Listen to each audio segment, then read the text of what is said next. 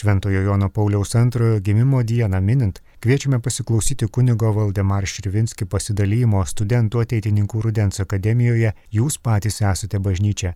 Kodėl Jonas Paulius II yra toks brangus ir mylimas jaunam kunigui Valdemar Širvinski?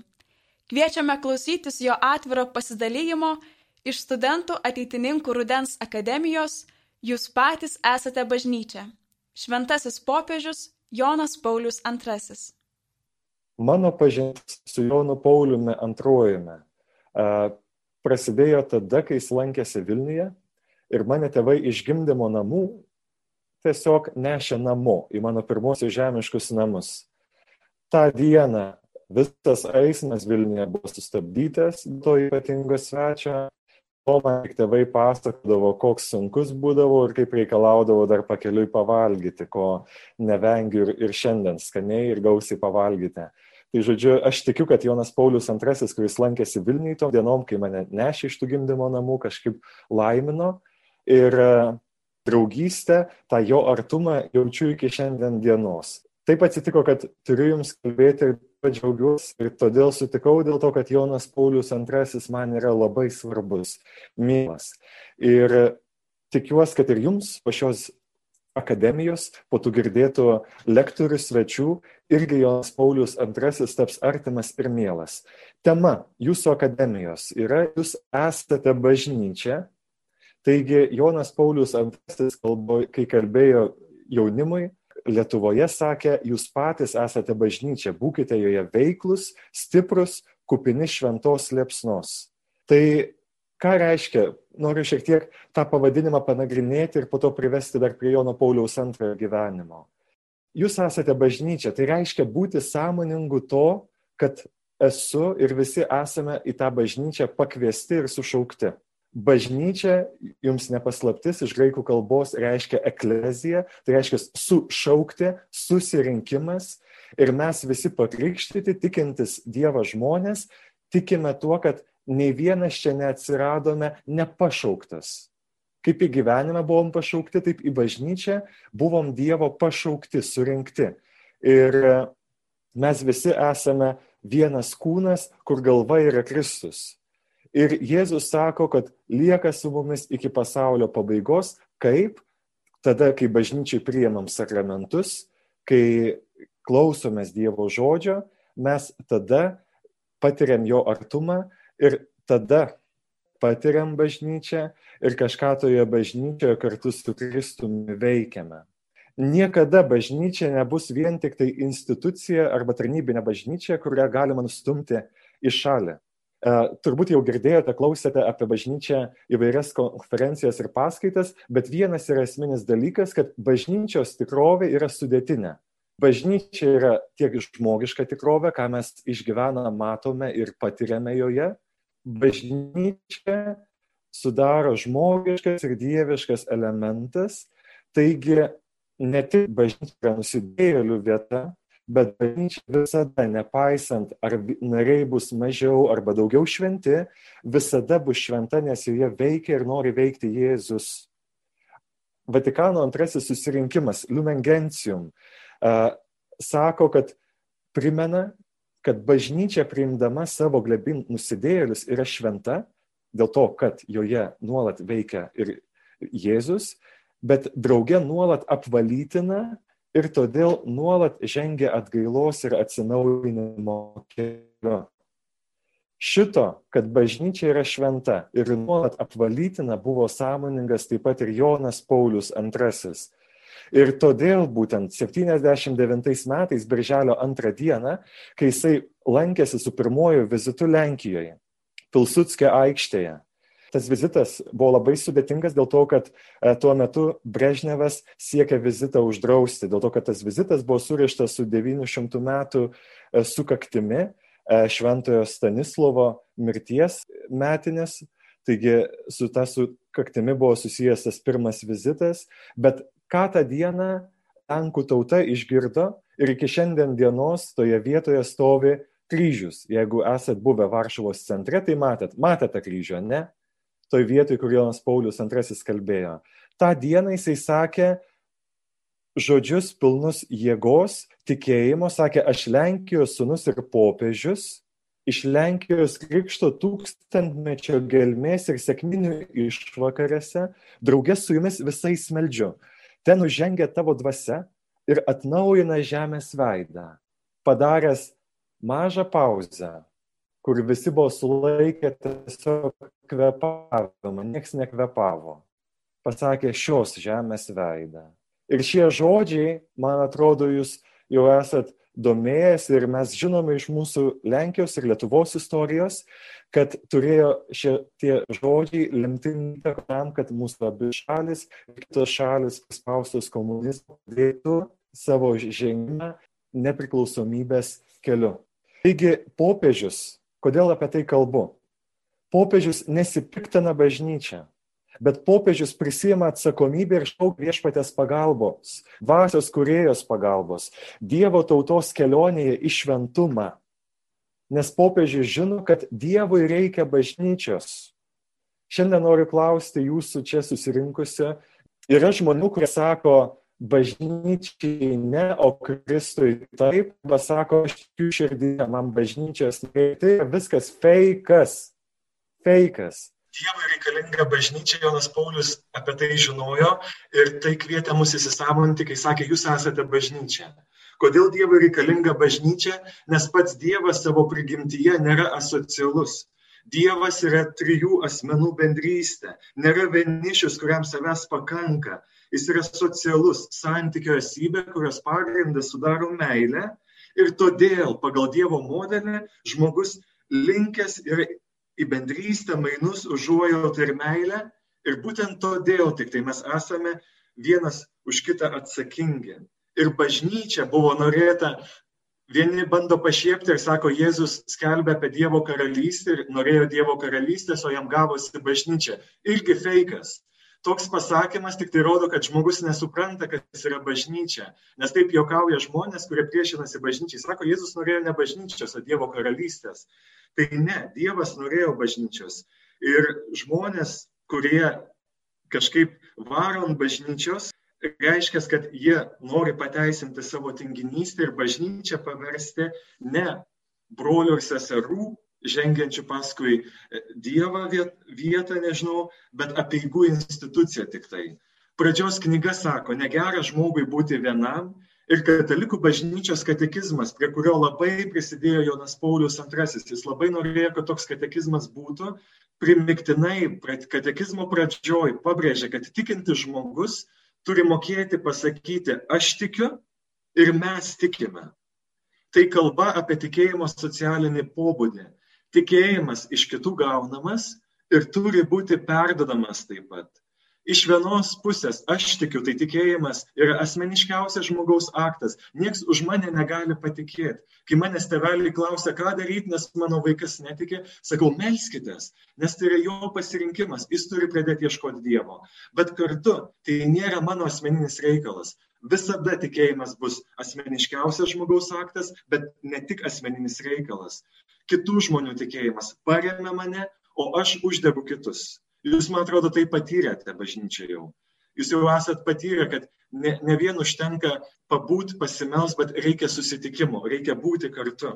Viena kiniečių, pogrindinės kiniečių bažnyčios istorijos epizodas pasakoja, kad kinietis berniukas ateina prie bažnyčios, kurią uždaro valdžia ir sargybiniai sako daugmaž, čiuošk namo, tavo bažnyčia yra uždaryta, sako.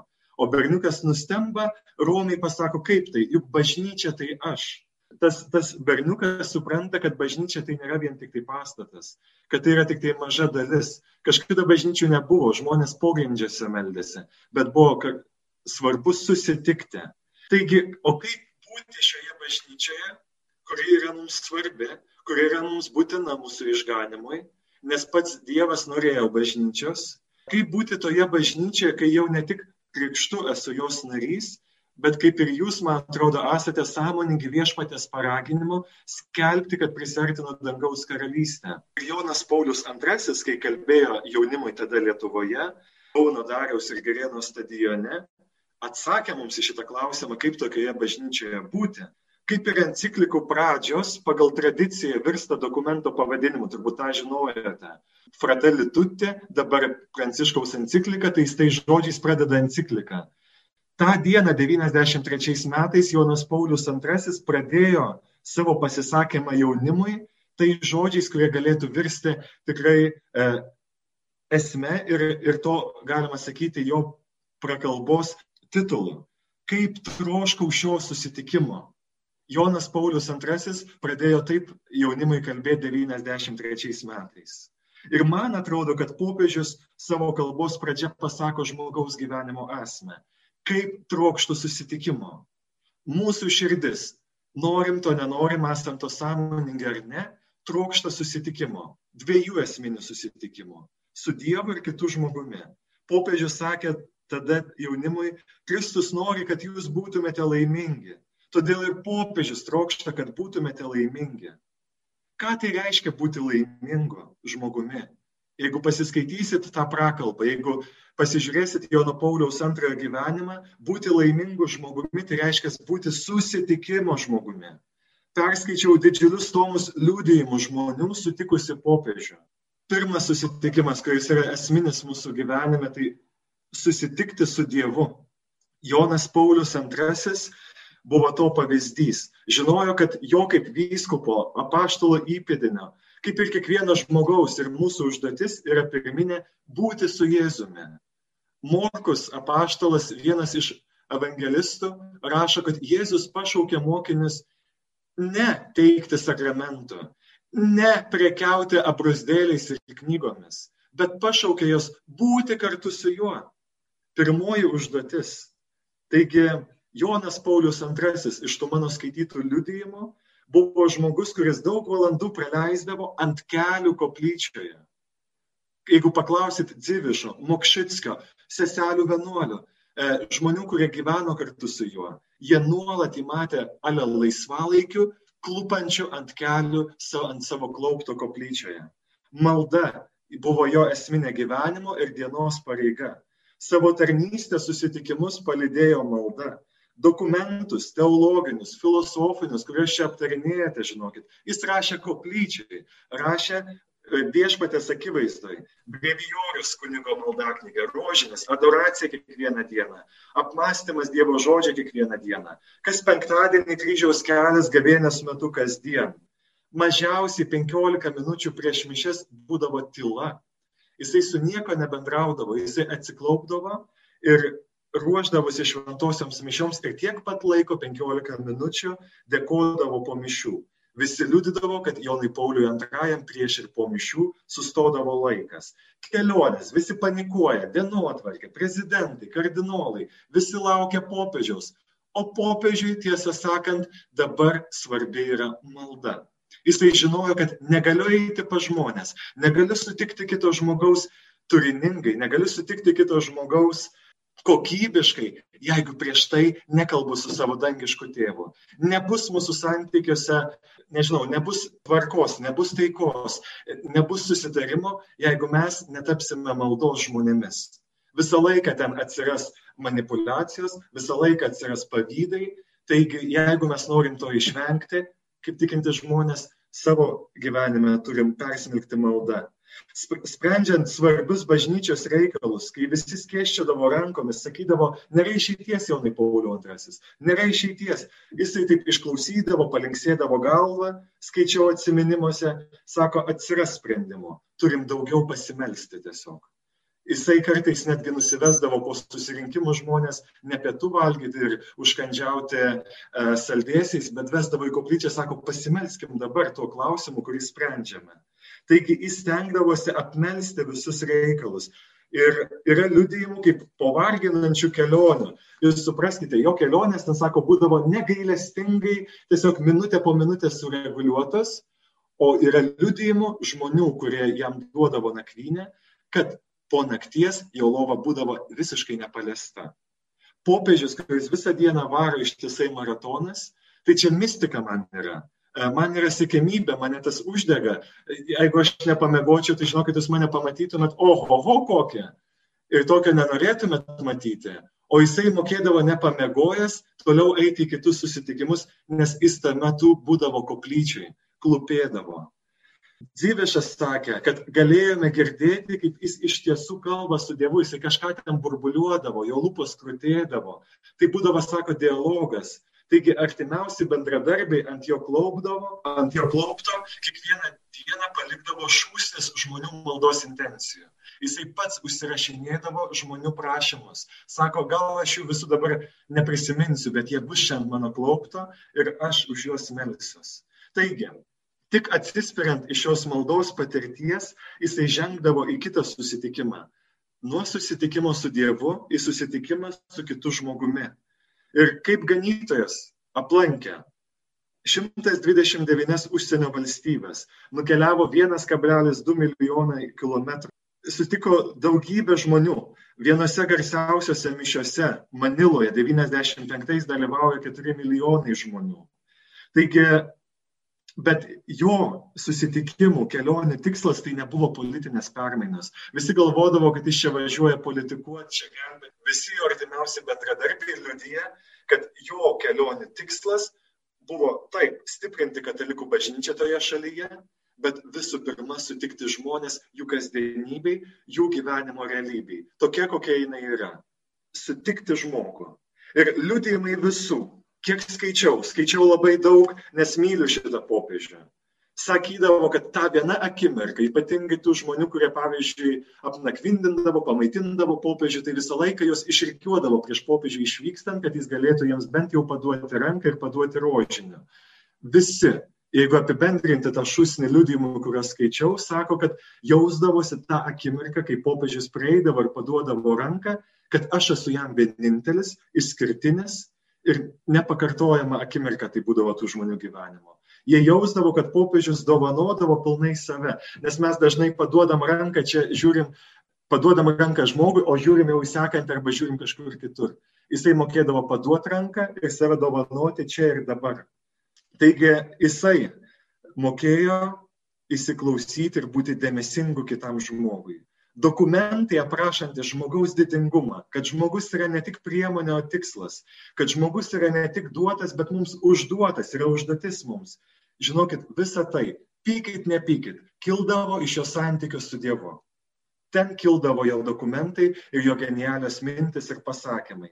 Ten Dievas keitė jo žvilgsnį į pasaulį, į save, į kitą žmogų. Maldoje Dievas keis ir mūsų žvilgsnį į pasaulį, į save, į kitus žmonės. Tokio žvilgsnio reiktų labai ir mums, į kitą žmogų. Tu esi man vienintelis, tu esi man dovana. Ir to, žinokit, knygose neperskaitysi. Galit skaityti psichologinių visokiausių knygų, patarimų. Žinokit, neeina. Aš skaitau tas knygas ir vis tiek ateina žmogus kartais kažkoks ir mane tiesiog sprogdina. Aš jaučiu, kad kažkoks erzulys kyla žmogui, dar net su juo nekalbėjus, ta prasme.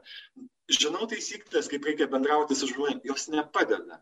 Kažkas yra širdyje, kur yra sužeista nuodėmės, kad tave kartais atsiprašau, bet vindo kitas žmogus. Ir tą tokį vat, nusistatymą kito žmogaus atžvilgių gali pakeisti tik tai Dievas, kuris mato tą mūsų sužeistumą, mato, kada tas sužeidimai buvo įvykę ir jisai vienintelis gali taip išgydyti mano širdį ir žvilgsnį kitą žmogų, kad tikrai jį žiūrėsiu ne kaip į konkurentą nuolatinę, arba kaip man užminantį žmogų ant mano skaudulių, bet kaip į brolę, ką sako popiežius Pranciškus, fratelį tutė, kad kitas būtų mano brolis ir sesė iš tiesų. Ir kad tai nebūtų žinių reikalas, bet kasdienio gyvenimo ir elgesio reikalas. Taigi tokio mums reiktų žvilgsnio į kitą žmogaus kaip mums reiktų irgi tokio didžiulio troškimo kaip Jono Pauliaus antrojo būti su Dievu. Ir šios akademijos sėkmė, manyčiau, būtų iš tiesų ir popiežius būtų labai laimingas, jeigu jūs visi ir aš kartu dažniau atsiklauptume. Koplyčioj, bažnyčioj, kambaryje prieš kryžių ar paveikslą ir skirtume laiko susitikimui svarbiausia mūsų gyvenime, kuris keis mus keis bažnyčią, keis pasaulį, keis mūsų visuomenę, keis mūsų šeimas, mūsų bendruomenės, mūsų darbus. Knygos, straipsniai popiežiaus, tik žinokit, gražus priedas ir yra labai maža jo gyvenimo dalis. Jo gyvenimo esmė buvo susitikti su Dievu ir ta, iš to susitikimo eiti į susitikimą su kitu žmogumi. Paskutinės popiežiaus gyvenimo akimirkos. Kokios jos buvo? Žmonės, kurie buvo aplink mirštantį popiežių, sakė, kad matė žmogų, kuris buvo sąmoningas to, kad iškeliauja į tėvo namus. Buvo visiškai ramus. Dar rankos gestų pakvietė seselę vienuolę, kai buvo labai silpna, sako, leiskite man, sako, išeiti. Nes jie dar galvoja vežti galbūt į ligoninę, bet jau kiek kartais jie yra buvęs ligoniniai, jau ten buvo aišku, kad popiežius gesta tiesiog. Tiesiog atėjo pabaigas, sako, leiskite man eiti pas viešpatę. Ir kai popiežiaus užgesta gyvybė, kai jisai miršta, kas vyksta? Ne Lietuva ir ne Lenkija nepradeda gėdoti viešpatės angelo Bet kardinolas Dzivišas drebančiu balsu pradeda gėdoti iš penkto amžiaus gražiausią garbinimo giesmę, kokią turime bažnyčiai. Tave Dieve garbinam, tave viešpatė išpažįstam, tave amžinai tėvą štai garbina visą žemę. Jūs pagalvokit, žmogus miršta, kokie keisti tie katalikai. Pradeda gėdot garbinimo giesmę. Ir tie žmonės, kurie stovėjo aplinkui kardinolą Dzivišą, aplinkui popiežių, nedrasiai įsijungė į tą gėdojimą. Dėl ko? Dėl to, kad jie dėkojo Dievui už susitikimą su šito žmogumi. Dėkojo Dievui už patirtą Dievo artumą per šitą žmogų. Kad jie galėjo jausis išskirtiniai, mylimi, kad jais kažkas pasitikėjo. Ir jie tą patyrė per to Dievo artumą, per Jono Pauliaus antrojo gyvenimą, kasdienybę. Ir kas vyksta, kaip yra pranešama žinia apie popiežiaus mirtį. Nepasako, kad popiežius mirė, bet išeina kardinolas, kuris sako, šventasis tėvas sugrįžo į tėvo namus. Bet nėra nieko gražesnio pasakyti apie tikinčio žmogaus mirtį, kaip pasakyti, sugrįžo į tėvo namus. Kas vyksta tada? Aš buvau penktokas, aš stebėjau, aš verkiau, nežinau kodėl, aš popiežiaus nei sutikau gyvai, aš kaip penktokas tada raudojau, matydamas Petro aikštėtės minę žmonių. Žmonės, o mūsų nuostabai, kaip pasakytų Kievalas, o dangau, pradėjo ploti.